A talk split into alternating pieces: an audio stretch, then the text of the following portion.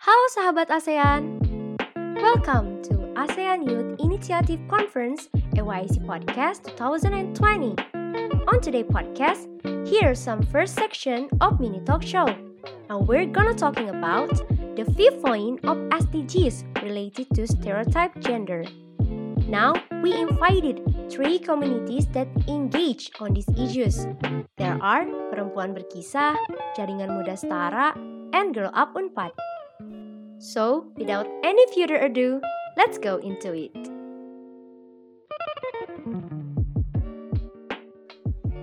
Assalamualaikum warahmatullahi wabarakatuh. Selamat siang, sahabat ASEAN. Selamat siang, Waalaikumsalam. Waalaikumsalam. Selamat siang, Kak. Selamat siang, Kak. Nah, eh, sebelumnya nih dari tadi kan aku kayak udah ngobrol-ngobrol, tapi aku belum kenalan nih. Jadi izinkan aku untuk memperkenalkan diri sebelumnya. Eh, perkenalkan, nama aku Ziva. Eh, di sini aku akan menemani selama acara berlangsung kayak gitu. Nah, eh, karena acara kita nih akan berlangsung seminggu ke depan kurang lebih, aku sebelumnya mau menyampaikan beberapa peraturan yang boleh dan tidak boleh dilakukan selama acara berlangsung. Nah, yang pertama, tidak menyalakan mikrofon kecuali diarahkan oleh moderator. Yang kedua, tidak meninggalkan room kecuali ada kepentingan mendesak. Dan yang ketiga, diwajibkan on cam saat di penghujung acara karena akan ada sesi foto. Oh iya, eh, aku juga mau ngasih tahu nih Kak, mau mengingatkan kalau misalnya selama acara berlangsung ini akan direcord karena nantinya akan dijadikan sebagai output yang berupa eh, podcast ataupun artikel seperti itu. Nah, eh, karena aku juga tadi aku udah menjelaskan sedikit nih tentang AYIC 2020 ini, aku juga mau ngasih tahu juga buat kakak-kakak di sini, sahabat ASEAN di sini bahwa uh, EYC 2020 ini udah dibuka nih pendaftarannya. Jadi mumpung masih regular regis, boleh langsung aja daftar EYC 2020 ini karena kapan lagi gitu kan bisa ikutan diskusi uh, di EYC 2020 ini kayak gitu. Nah, kalau misalnya kakak-kakak atau sahabat ASEAN di sini ada yang penasaran nih tentang EYC 2020, boleh langsung aja kepoin kita di Instagram kita nih di di underscore EYIC ataupun di website kita kayak gitu. Jadi uh, sahabat ASEAN di sini jangan sampai lupa nih, jangan sampai kelewat buat pendaftaran AYIC 2020 ini. Karena sayang banget kalau misalnya uh, mau daftar tapi nggak sempet karena kelupaan kayak gitu. Nah, uh, selanjutnya uh, akan aku serahkan kepada rekan aku, uh, Amel, dipersilakan.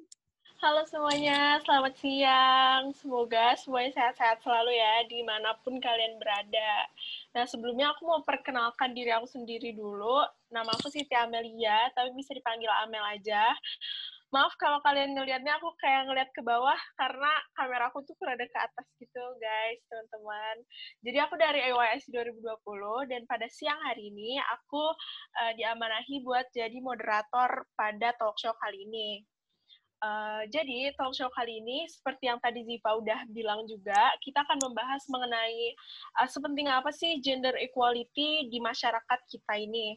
Nah, tema ini diangkat di latar belakangnya oleh banyaknya isu-isu banyaknya isu-isu um, permasalahan gender di ASEAN. Tentunya di negara kita sendiri juga. Tapi sebelumnya ada yang kelupaan nih. Ziva, apa sih yang kelupaan?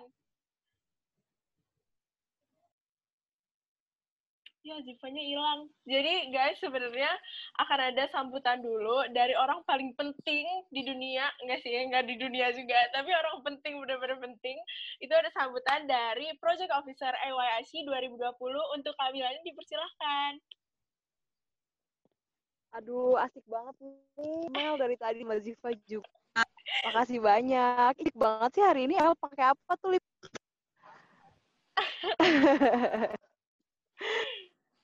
Makasih buat Pak dan Amel yang udah ngasih waktu ngasih sambutan. Gak formal-formal ya, aku cuma yang bilang untuk teman-teman komunikasi Girl Upload, teman dari perempuan besar dan juga jaring muda yang mau menjadi narasumber untuk talk show kita ini. Berkembang bersama, mari diskusikan isu, isu ini bersama uh, supaya out juga bisa bermanfaat bagi orang lain. Jadi silahkan nikmati diskusinya, semoga kita bisa memang bersama-sama. Makasih teman-teman. Kembali lagi ke Amel. Amel. Makasih Kamilani. Betul Kamilani hati-hati di jalan ya. Jangan ngelamun. Oke, okay, um, mungkin aku ulangi lagi ya. karena... Makasih, aku sayang kamu. Aku juga sayang Kamilani. Oke, okay, jadi mungkin aku ulangi lagi. Um, sedikit mengulang. Jadi talk show kali ini kita akan membahas tentang sepenting apa gender equality di masyarakat kita ini.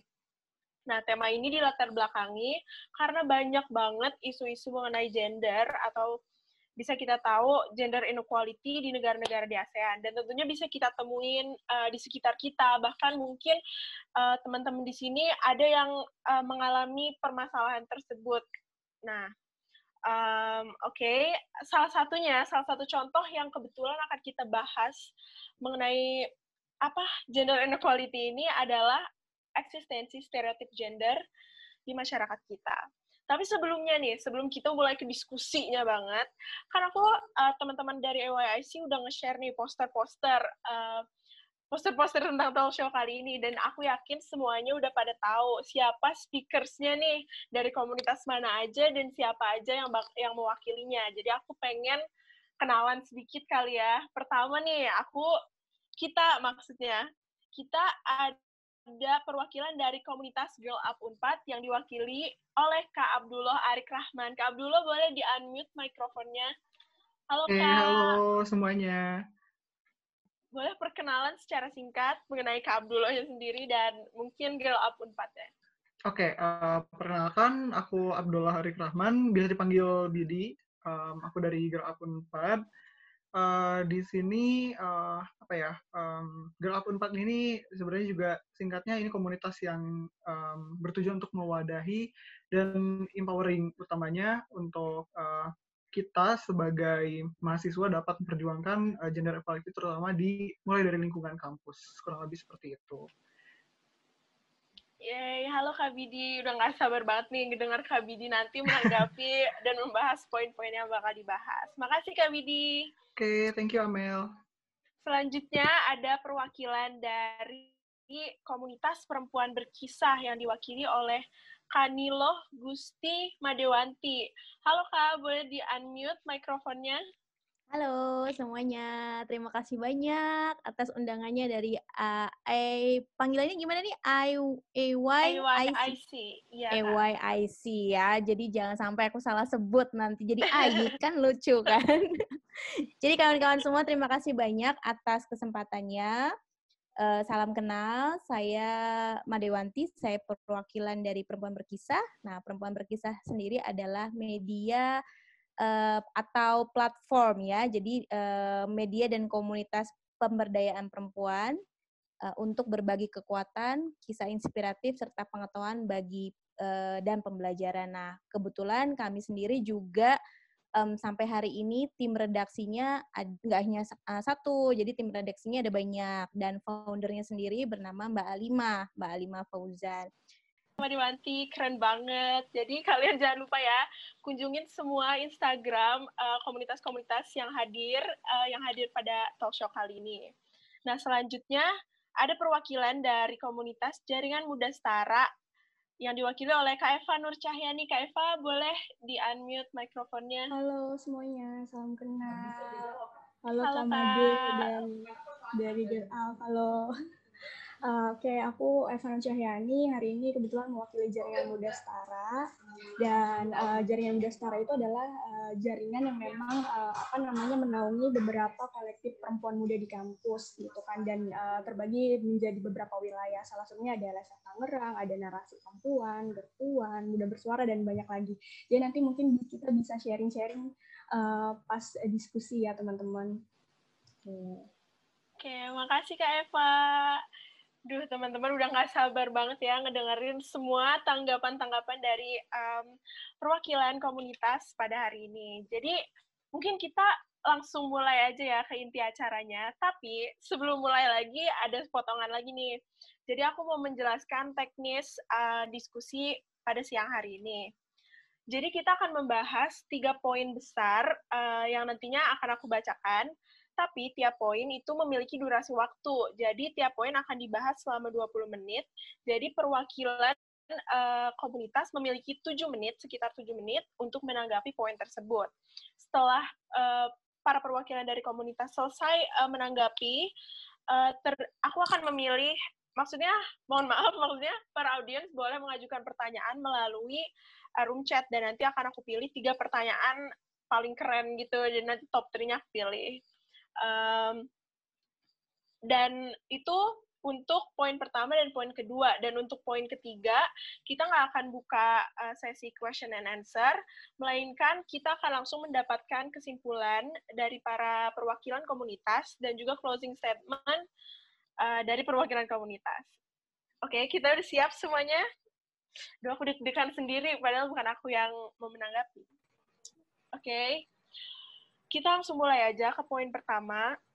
Poin pertama, um, kita mau tahu nih tanggapan dari kakak-kakak uh, perwakilan komunitas. Gimana sih pandangannya uh, mengenai stereotip gender yang ada di masyarakat kita? Tentunya nggak uh, lain dan tidak lain dan tidak bukan itu feminin dan maskulin yang udah bener-bener jelas banget menghambat tercapainya kesetaraan gender. Mungkin boleh ditanggapi, ada yang mau menanggapi terlebih dahulu atau uh, boleh dari perwakilan Girl Up Unpad dulu deh. Kabidi ya.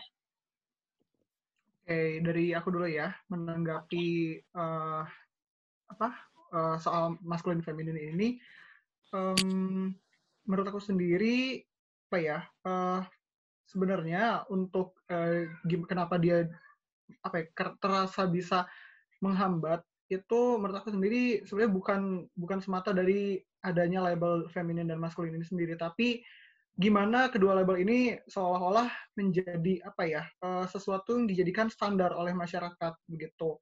Uh, karena uh, istilahnya begini kalau aku sendiri memahaminya konsep gender itu apa sebagai uh, bentuk ekspresi dari individu dan itu mungkin saja akan berbeda untuk tiap individunya. Nah, sementara uh, di masyarakat kita ini dengan adanya uh, konsep feminin dan maskulin seolah-olah apa ya jadinya terlalu uh, mengotak-ngotakan apa yang ada dalam diri kita sebagai manusia gitu untuk kita masing-masingnya.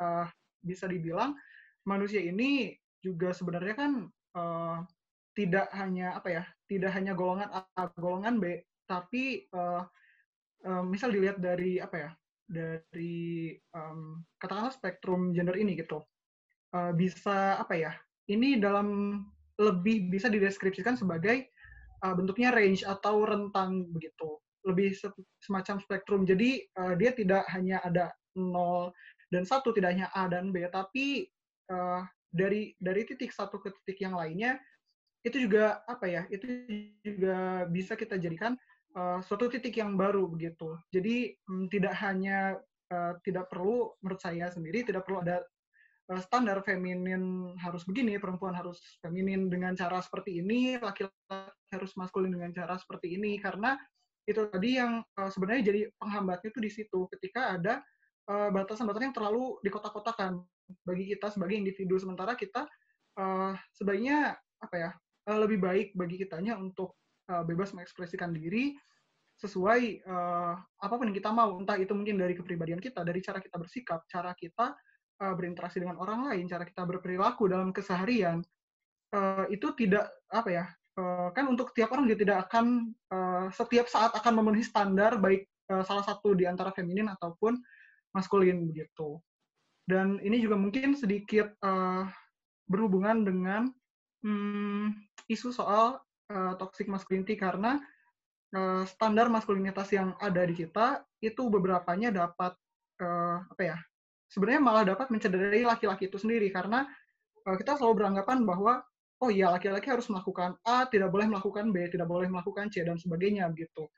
Uh, ini juga yang kemudian um, menjadi concern karena pada akhirnya uh, bagaimana laki-laki uh, sudah biasa uh, di apa ya di menampilkan diri dalam masyarakat itu sebagai pribadi yang kuat mungkin kompetitif kemudian uh, ingin apa ya lebih mampu untuk memimpin dan sebagainya itu juga jadi uh, apa ya tuntutan tersendiri bagi laki-laki untuk memenuhi itu dan uh, pada akhirnya juga dapat merugikan ketika uh, individu uh, yang dalam masyarakat di uh, apa ya lebih uh, dianggap sebagai laki-laki ini tidak bisa memenuhi standar tersebut begitu.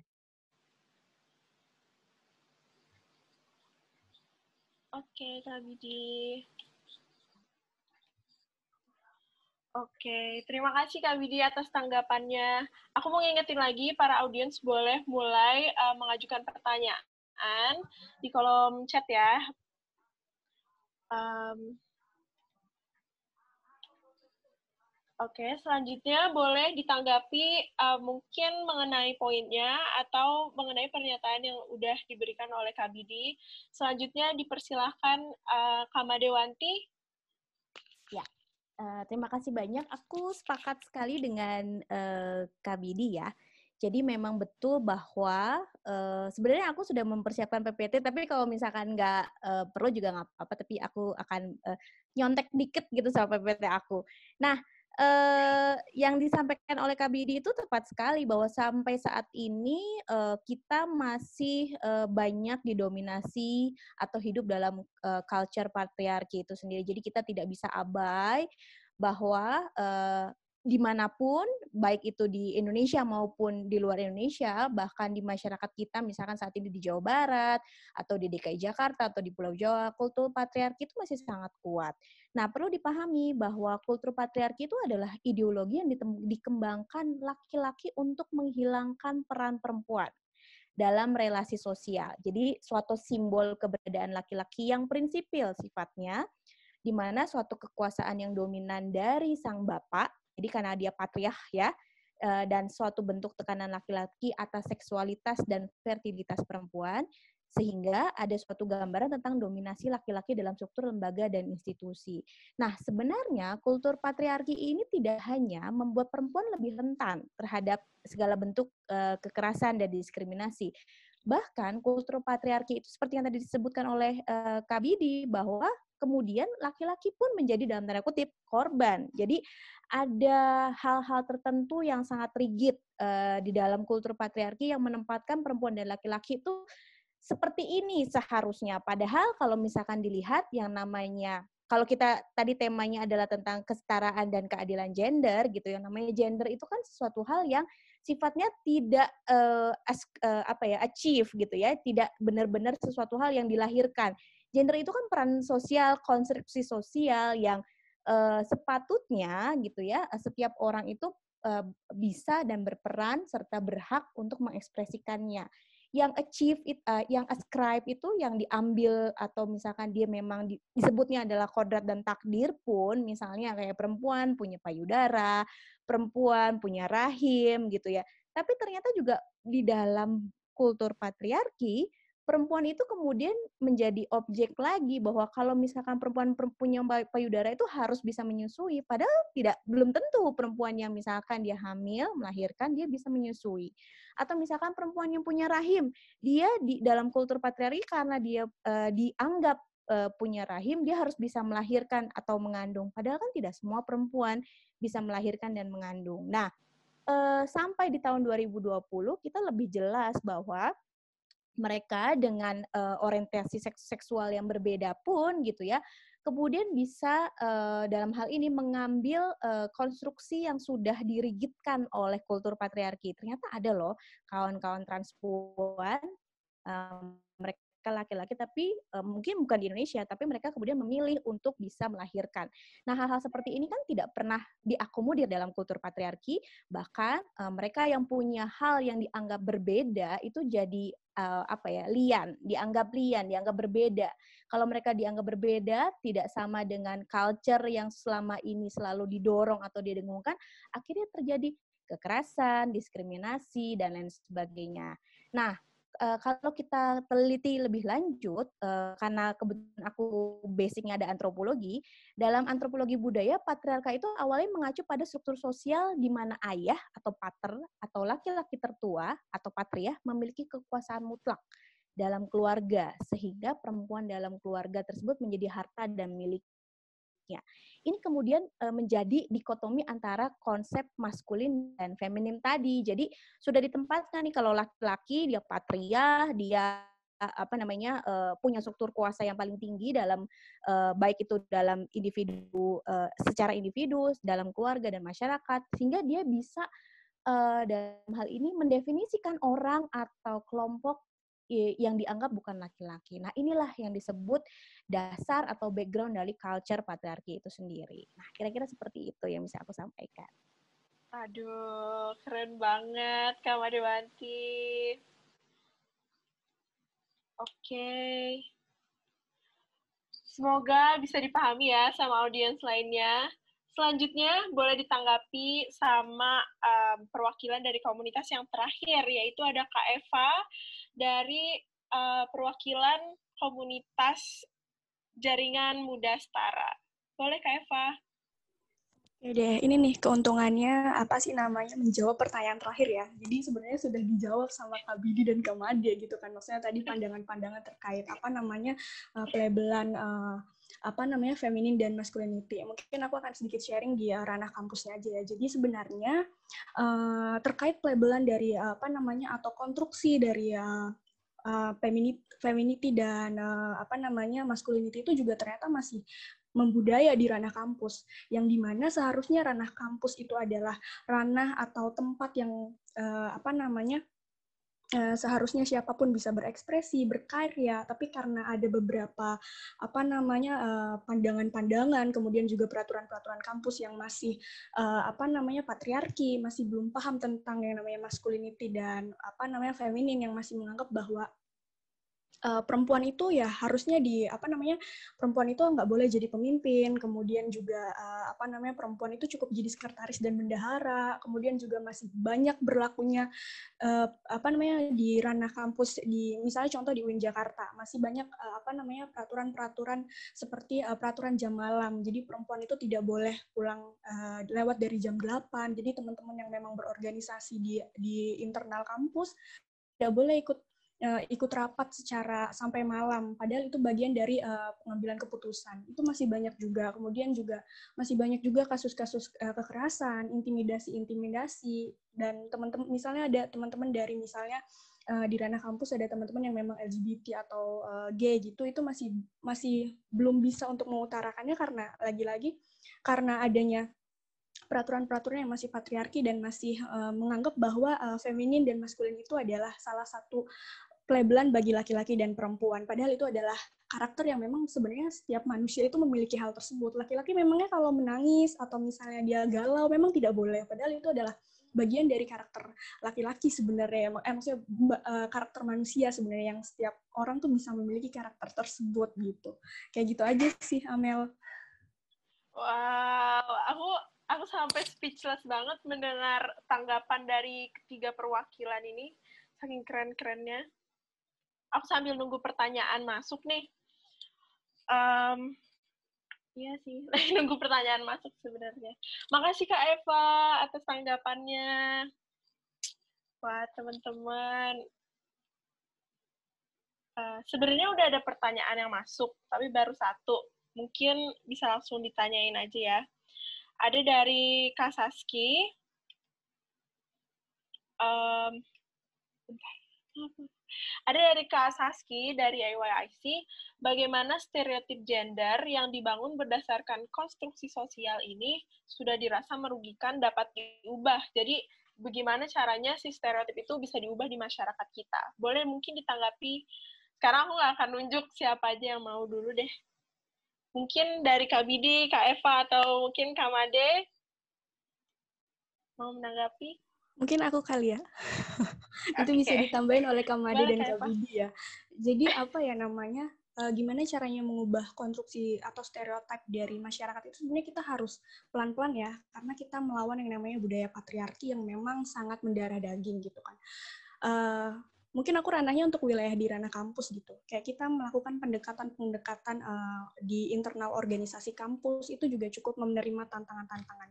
Karena ya itu tadi, jadi uh, masih banyak pemikiran-pemikiran atau pelabelan-pelabelan bahwa uh, apa namanya feminin dan maskulin tersebut. Jadi ketika memang kita mau mengedukasi, kemudian juga kita mau sharing, itu kadang juga apa namanya udah ditolak duluan nih kayak wah ini mah dia mau mendominasi uh, laki-laki nih misalnya kayak gitu kasarnya kemudian juga apalagi kalau uh, label misalnya kolektif kita udah namanya feminis atau feminisme wah udah nih aliran sesat nih aliran iya. barat yeah. udah banyak lah labelan yang kayak gitu-gitu yang akhirnya kita ditolak duluan padahal kita sebenarnya mau sharing dan hal ini tuh terjadi di masyarakat yang memang seharusnya juga sebagai uh, mahasiswa itu kita juga ikut andil untuk mengawal agar uh, tidak ada lagi yang namanya apa namanya ketidakadilan gender, kemudian uh, kekerasan seksual, kemudian juga ya semuanya bisa apa ya namanya uh, bagaimana caranya semuanya bisa uh, diberikan kesempatan untuk berekspresi, berkarya, apalagi di ranah kampus kayak gitu sih. Jadi ya caranya ya mungkin pelan-pelan kita mungkin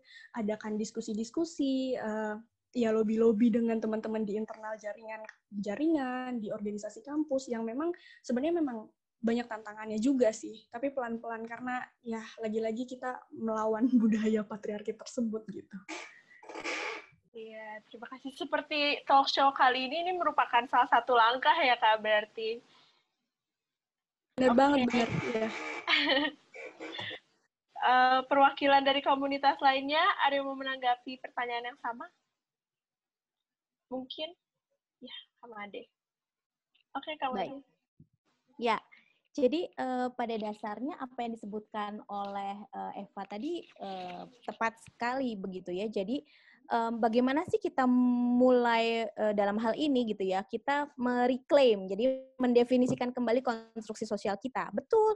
Uh, salah satu sesi Zuminar siang ini adalah uh, cara kita mungkin kecil gitu ya, tapi ini berdampak sangat signifikan karena nanti akan ada podcast gitu ya, akan disebarkan ke lebih banyak lagi jejaring. Dan uh, yang paling utama adalah kita memang nggak bisa langsung uh, istilahnya ya jadi superhero dunia. Kita mulainya dari diri kita sendiri aja, dari lingkungan yang paling kecil. Kalau misalkan memang berkarya di kampus, uh, kita bisa melakukannya di kampus. Contoh kasusnya tadi yang sudah disampaikan oleh Eva, misalnya uh, memperbanyak ruang-ruang dialog dan diskusi dan menyampaikan bahwa sebenarnya feminisme itu bukan sesuatu hal yang harus jadi alergi loh. Feminisme itu bukan sesuatu hal yang harus dianggap dalam tanda kutip adalah produk budaya barat. Kalau boleh dikasih tahu, Nabi Muhammad itu feminis pertama yang meletakkan fondasi bahwa kesetaraan dan keadilan untuk perempuan itu diutamakan. Zaman itu aja eh, kita sudah tahu bahwa Nabi Muhammad sebagai feminis tonggak pertama sudah menegasikan segala bentuk kekerasan terhadap perempuan. Nah, itulah kemudian yang selama ini belum kita cermati dan kita lakukan bahkan kita masih merasa bahwa feminis itu produk barat. Hal-hal kecil lainnya misalnya yang bisa kita lakukan di sehari-hari di lingkungan rumah misalnya di dalam keluarga kita. Kita tahu bahwa uh, yang namanya uh, toxic uh, masculinity gitu itu juga terjadi di rumah. Contohnya nih, pernah nggak sih membayangkan bahwa uh, ada uh, yang namanya uh, apa ya peran gender di rumah itu tidak harus selalu perempuan yang melakukan. Cuci piring aja misalnya. Selama ini kan selalu diasumsikan pekerjaan domestik itu dekat dengan pekerjaan atau hal-hal yang dilakukan oleh perempuan. Padahal yang namanya cuci piring itu kan dia nggak bernama ya. Cuci piring harus perempuan, cuci baju harus perempuan, masak nasi harus perempuan. Enggak. Jadi namanya peran gender di ranah domestik itu sesuatu hal yang bisa dilakukan oleh siapa pun dan tidak perlu malu. Laki-laki tidak perlu malu kalau misalnya dia harus mengasuh anaknya, sementara istrinya bekerja di luar rumah. Nah ini harus tegas dari awal. Jadi kalau dari perempuan berkisah sendiri selalu mendorong sesuatu hal itu dari mulai dari hal kecil. Contoh yang kedua adalah soal misalnya hmm, selama ini perempuan itu dianggap manut ya tuturi handayani di belakang aja deh. Kalau misalnya laki-laki ngomong di dalam keluarga iya aja, mm aja, asal bapak senang. Kan selama ini selalu ada culture seperti itu di keluarga. Padahal tidak. Demokrasi harus dimulai dari meja makan kita. Setiap orang, mau itu perempuan dan laki-laki, dia berhak mengucapkan, mengungkapkan pendapatnya. Nanti setelah misalnya mengungkapkan dan mengucapkan pendapatnya, diakomodir, ditimbang-timbang mana yang lebih manfaat, mana yang mudaratnya lebih banyak. Jadi hal-hal seperti ini um, perlu mulai kita lakukan dari hal kecil dari mulai dari keluarga bahkan juga jangan jadi alergi. Misalnya kok kamu perempuan banyak misalnya nih kalau misalnya aku nih karena dianggap aktivis perempuan banyak protesnya banyak demonya Iya, karena protes dan demo itu sebenarnya sebagai pengungkapan bahwa selama ini terjadi ketidakadilan gender bahkan dari rumah sendiri. Bahkan dari start di kamar sendiri. Kamar tidur kita sendiri sudah tidak adil gender. Contoh nih, jangankan ke perempuan, ke laki-laki aja. Misalkan nih laki-laki pakai baju pink, udah ada stereotipnya sendiri. Dia misalnya nangis, udah ada stereotipnya sendiri. Dia misalnya dia tidak mampu bekerja atau misalkan dia lebih senang memper, uh, bekerja atau berkarya sesuatu hal yang uh, selama ini dianggapnya ranah perempuan sudah kena diskriminasi sendiri. Nah, hal-hal seperti ini yang harus mulai kita berani untuk mengungkapkannya, bukan karena kita galak karena feminis, enggak, karena kita kritis bahwa terjadi diskriminasi dan ketidakadilan gender dari hal yang paling kecil. Itu menurut aku. Aduh, keren banget. Jadi benar-benar stereotip itu uh, menghalangi kita untuk berekspresi banget ya. Mungkin Kak Bidi mau menanggapi? Oke. Okay. Oke. Okay. Ini aku jadi mungkin bisa dibilang merasakan advantage jadi yang menanggapi terakhir juga ya untuk pertanyaan ini. Uh, karena uh, poin-poin sebelumnya yang sudah dijelaskan uh, oleh Kak Eva dan Kak uh, Kak Anti juga sudah apa ya sudah sangat menjelaskan gitu um, gimana kita bisa uh, apa ya istilahnya menyelesaikan lah permasalahan ini gitu. Uh, sebenarnya yang yang paling penting, yang paling mendasar menurutku untuk dilakukan seenggaknya dari diri sendiri gitu. Gimana kita bisa aware soal um, apa yang terjadi gitu loh uh, dalam dalam hal ini ya adanya si uh, konsep maskulinitas dan femininitas yang uh, apa ya yang terlalu uh, ngotak-ngotakan ini gitu dan karena ini sebenarnya masalahnya juga apa ya karena kita ini menyeluruh bisa dibilang masalah yang sistemik gitu ini sangat sudah mengakar juga di budaya kita uh, jadi kita juga nggak nggak bisa apa ya kita nggak bisa expect untuk oh iya nih kita sekali membuat gebrakan ini bakal selesai gitu enggak karena itu tadi balik lagi kita mulai dari langkah kecil kita mulai dari diri sendiri kita mulai dari orang terdekat kita um, mungkin kalau dari aku pribadi, at least um, aku bisa kasih tahu ke orang rumah, ke teman-teman aku, gimana sih uh, diskriminasi terhadap gender tertentu ini sebenarnya bukan hal yang baik begitu. Kalau menurut, menurut aku itu dimulai dari langkah kecil tadi, dimulai dari lingkungan terdekat kita. Intinya di situ. Bener banget, Kak Widi. Bener-bener harus um, secara pelan-pelan. Mungkin um, aku sering banget nemuin orang-orang tuh ignore banget sama uh, feminis-feminis karena ada beberapa orang yang mungkin belum terlalu paham, terus mereka udah so, bukan so-soan, maksudnya kayak mereka udah speak up terlebih dahulu, tapi ternyata itu salah gitu. Jadi orang-orang lebih cenderung kayak, iya apaan sih feminis gitu kan? Padahal sebenarnya itu nggak kayak gitu. Mungkin kita next aja ke pertanyaan selanjutnya, ada dari Kapiki.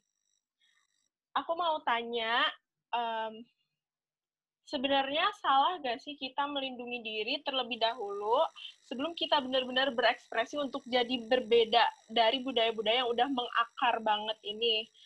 Apakah itu sama aja artinya kita malah menjadi pengecut ketimbang bersuara? Mungkin di sini kasusnya adalah kita sebenarnya merasa aman di comfort zone, eh, sedangkan ironinya adalah comfort zone ini berbeda dengan identitas kita. Boleh ditanggapi mungkin dari Kamade terlebih dahulu ya? Boleh, boleh. Nah, ini uh, adalah uh, hal yang sama ketika pertama kali aku juga misalnya uh, punya posisi uh, keberpihakan kepada kawan-kawan yang memang uh, orientasi seksualnya berbeda. Itu satu. Yang kedua juga punya posisi dan keberpihakan kepada perempuan-perempuan uh, lain yang memang statusnya saat ini adalah uh, perempuan janda. Di sini aku uh, lihat ada Mutiara Perhuman, beliau adalah founder dari Safe Janda, dan aku sendiri juga janda. Nah, yang pertama kali yang harus aku lakukan adalah ketika aku uh, misalnya aku speak up atau coming out adalah aku harus bisa dalam hal ini adalah melindungi diriku sendiri. Jadi gini, uh, maksudnya bukan melindungi dalam hal kemudian kita menjadi pengecut, tapi lebih ke arah aware. Karena yang namanya keamanan terhadap diri kita sendiri, yang paling bisa bertanggung jawab adalah diri kita sendiri. Dan jangan lupa bahwa kita juga butuh supporting system yang kuat di antara kita. Kalau misalkan keluarga masih diskriminatif, kita cari supporting system yang lain. IYC uh, eh, salah satunya adalah menurut aku komunitas yang sangat baik uh, karena di sini uh, uh, apa multicultural, kemudian diversity itu kan diutamakan. Orientasi seksual yang berbeda juga menjadi sesuatu hal yang tidak boleh sama sekali di stigma satu atau misalkan uh, diejek-ejek. Kemudian juga misalkan uh, mereka yang punya uh, status misalnya adalah single mother kemudian hari ini adalah uh, perempuan uh, janda dan lain sebagainya. Nah caranya gimana sih kalau misalnya kita mau aware terhadap uh, keamanan diri kita sendiri? Yang pertama adalah pastikan bahwa ketika kita misalnya kita misalkan nih aku nih uh, hari ini nih aku statement tentang apa kondisiku aku harus pastikan bahwa apa yang aku state itu uh, dia tidak kembali backlash kepada aku. Misalnya aku tahu kalau aku, misalnya aku punya sosial media aku di sosial media aku aku protektif.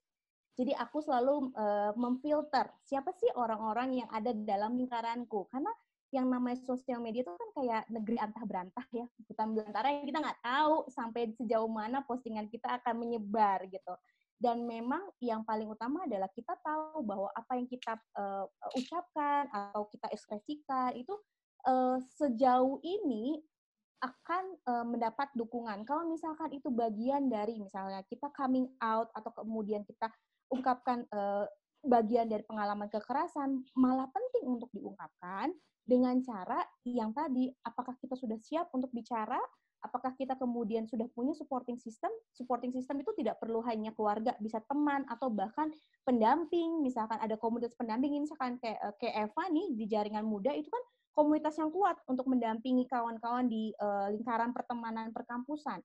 Dan ini adalah komunitas-komunitas yang bisa sekali mendukung kita. Jadi Vicky, hai Vicky di sana ya tadi ya jangan sedih dan jangan malu kalau misalnya kamu belum uh, siap untuk misalnya stated apa pun ekspresi gendermu atau status orientasi seksualmu atau apa pun itu tidak perlu merasa aku pengecut enggak. Kalaupun misalnya nih kita jadi feminis pun gitu ya terus kita aku belum berani ngomong state bahwa aku feminis gitu nggak ada masalah.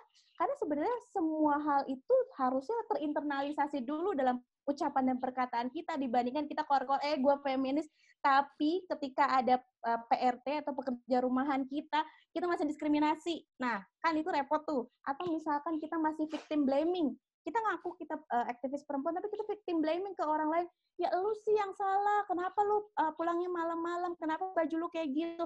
Lah gimana ini caranya kalau kayak gini caranya jadi kita semua balik dulu ke diri kita kuatkan dulu diri kita sambil juga kalau misalnya kita sudah siap gitu ya uh, kita bisa mencari supporting system yang benar-benar bisa contribute, bisa support kita dan uh, mereka supporting system yang bisa uh, memperkuat pertumbuhan kita karena kita manusia yang bertumbuh semuanya dan kita nggak perlu takut kalau ngelakuin kesalahan. Jadi ini aku penting banget nih ya karena dari dulu aku mungkin dulu juga belum tercerahkan ya.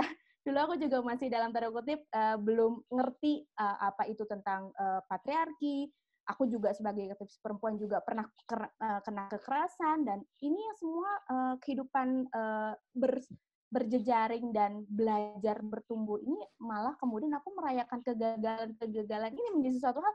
Oke jangan sampai aku misalnya nih uh, mengalami kekerasan dua kali. Atau misalkan aku tahu temanku lagi kena kekerasan atau mau KDP mau KDRT terus aku diem aja.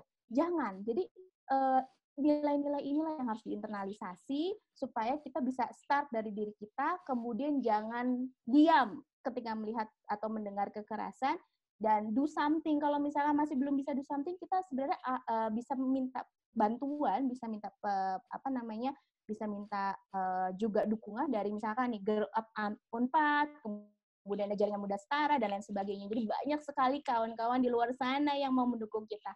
Tenang, anda tidak sendiri. gitu aja ya.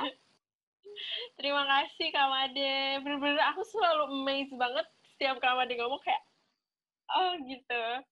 Keren banget. Mungkin uh, perwakilan dari komunitas lainnya ada yang mau menanggapi lagi atau satu aja deh antara Kak Eva atau Kak Bidi. Mungkin boleh menanggapi sedikit atau menambahkan yang Kak Made udah omongin. Aku dikit aja, tenang. Kamu nggak sendiri udah. Iya tenang. Kita semua nggak sendiri pasti ada yang backup. Duh, aku keren banget sekeren itu oke? Okay? kita uh, lanjut ke pertanyaan terakhir ya untuk uh, poin pertama ini. Mungkin uh, di sini ada dari Kak Zahra katanya Hai Kak, aku mau discuss kalau misalnya patriarki yang ada di kebudayaan suatu suku di masyarakat Indonesia, contohnya di Hubula suku Dani, Papua yang pastinya sangat menonjolkan patriarki. Apakah kita bisa mengubah kebudayaan suku tersebut? Dan menurut saya, patriarki yang ada di suatu kebudayaan, terlebih cara mereka hidup, uh, patriarki di suku Dani memisahkan ranah kerja seperti berperang dan mengurus anak berdasarkan gender itu sulit dihilangkan. Padahal sudah ada studi atau bukti bahwa patriarki di suku tersebut menimbulkan dampak kekerasan bagi perempuan. Mau siapa dulu nih? Okay. Bisa, bisa. Boleh siapa, bebas deh. Gak mau, aku aku gak mau nunjuk, takutnya kayak gimana gitu. Kaifa mungkin ya udah siap mungkin, Ya, mungkin aku ya. Jadi uh, memang apa lagi-lagi kalau misalnya uh, terkait patriarki yang memang didasari karena budaya, itu memang agak sulit tapi perlu juga diadvokasi kalau memang ternyata itu juga apa namanya membahayakan salah satu uh, gender, misalnya membahayakan perempuan atau misalnya tidak adil terhadap perempuan kayak gitu.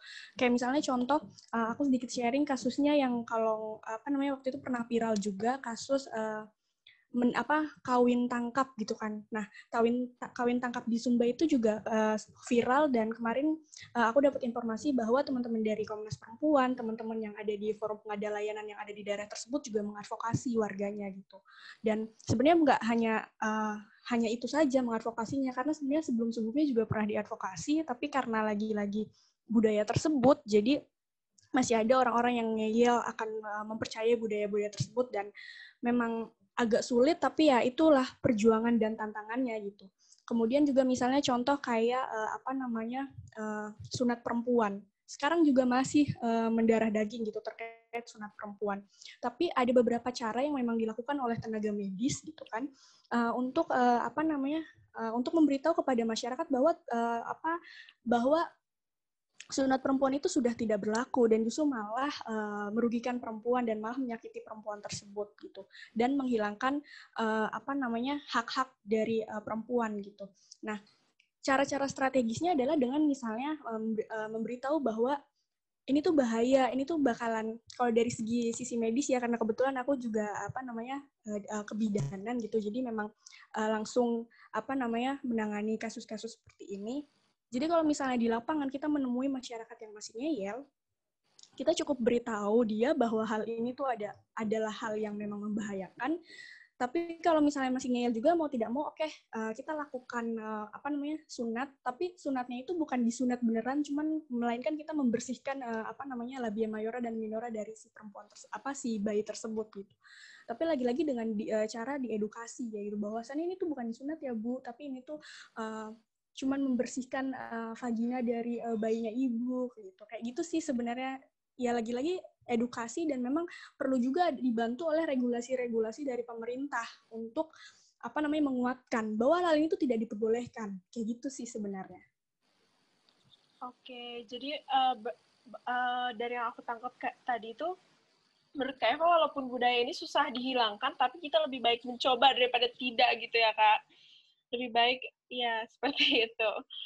Um, ditanggapi lagi mungkin oleh perwakilan yang lain. Mungkin Kak Bidi deh, dari tadi Kak Bidi belum ngomong, oke? Okay? oke, okay, uh, eh, sebenarnya kurang lebih uh, tanggapanku juga beda jauh dari yang sudah Kak Eva sampaikan tadi, uh, bahwa apa ya, salah satu poin poin pentingnya adalah uh, kita yang sudah tahu, kita yang sudah aware soal masalah yang ada, berusaha mengadvokasikan dan juga mengedukasi gitu untuk uh, si kelompok uh, masyarakat masyarakat yang uh, belum tahu bahwa uh, bagian dari budaya yang selama ini mereka lakukan sebenarnya merugikan uh, salah satu ataupun uh, semua kelompok gender yang ada begitu uh, dan ini apa ya hmm, uh, but again bakal agak uh, jadi tantangan tersendiri ketika uh, konteks ini apa ya bisa dibilang uh, mungkin masyarakat yang hmm, lebih jauh dari apa ya mungkin akses terhadap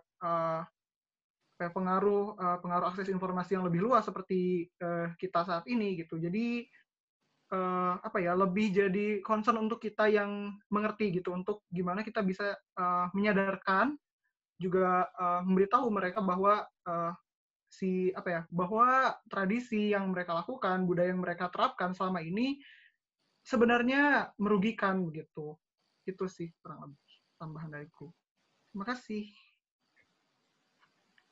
Oke, terima kasih Kak Bidi atas tanggapannya. Um,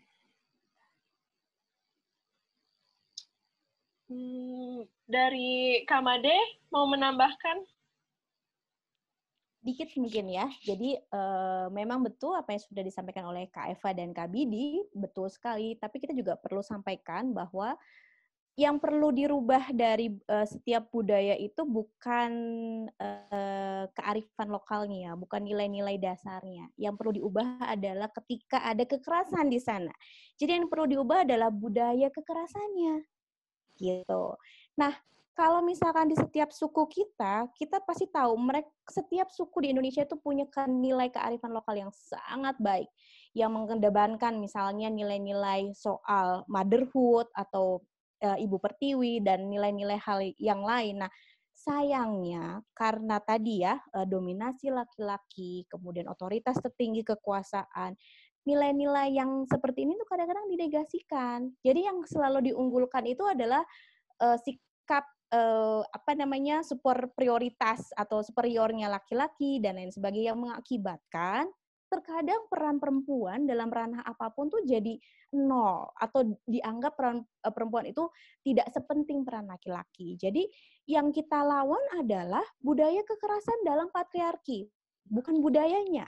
Nilai budayanya malah kalau bisa kita lestarikan. Misalnya suku Dani di Papua tuh banyak sekali tradisi-tradisi yang sangat uh, luar biasa, bakar batu misalnya, kemudian anyaman uh, apa uh, tas yang biasanya dipakai oleh mama-mama dari Papua, kemudian nilai-nilai patung atau pemahatan patung dan lain sebagainya dan itu sangat luar biasa yang kadang kita malah menghilangkan nilai-nilai tersebut dan malah uh, apa ya semacam uh, melestarikan budaya-budaya yang budayanya itu uh, patriarki salah satunya adalah tingkat kekerasan di Papua itu masih tinggi misalnya kemudian uh, angka HIV/AIDS juga masih tinggi di sana angka kematian ibu dan bayi masih tinggi. Nah, ini sebenarnya angka-angka yang harus kita nggak boleh tutup mata. Ini adalah konsekuensi ketika budaya kekerasan dan nilai patriarki masih mengakar kuat. Jadi orang merasa biarin aja HIV AIDS tinggi. Orang itu di daerah Papua bukan daerah sana. Kan kita jadi pertanyaannya atau misalkan biarin aja angka kematian ibu dan bayi tinggi di Papua. Dan itu bukan urusan kita dari Jakarta misalnya. Nah ini nggak boleh nggak boleh yang selalu dilakukan atau misalnya diadvokasi oleh kawan-kawan banyak organisasi termasuk Komnas Perempuan adalah bagaimana kemudian setiap perempuan di ranah mana pun di daerah mana pun itu punya hak akses jadi kalau misalnya keadilan dan kesetaraan gender itu kan ada empat dia punya kontrol dia bisa mengakses, dia bisa menerima manfaat, dan dia bisa berpartisipasi. Empat hal ini harus ada dalam setiap ranah, baik itu laki-laki dan perempuan. Jadi uh, buat aku pribadi bukan uh, nilai kearifan lokalnya yang hilang, tapi budaya kekerasan yang harus hilang. Itu kira-kira. Oke, terima kasih Kak Made atas tanggapannya. Benar-benar uh, siang hari ini aku benar-benar dapat ilmu banyak banget dari perwakilan komunitas semuanya. Karena waktunya udah habis untuk sesi question and answer yang pertama, kita lanjut aja ke pembahasan poin yang kedua.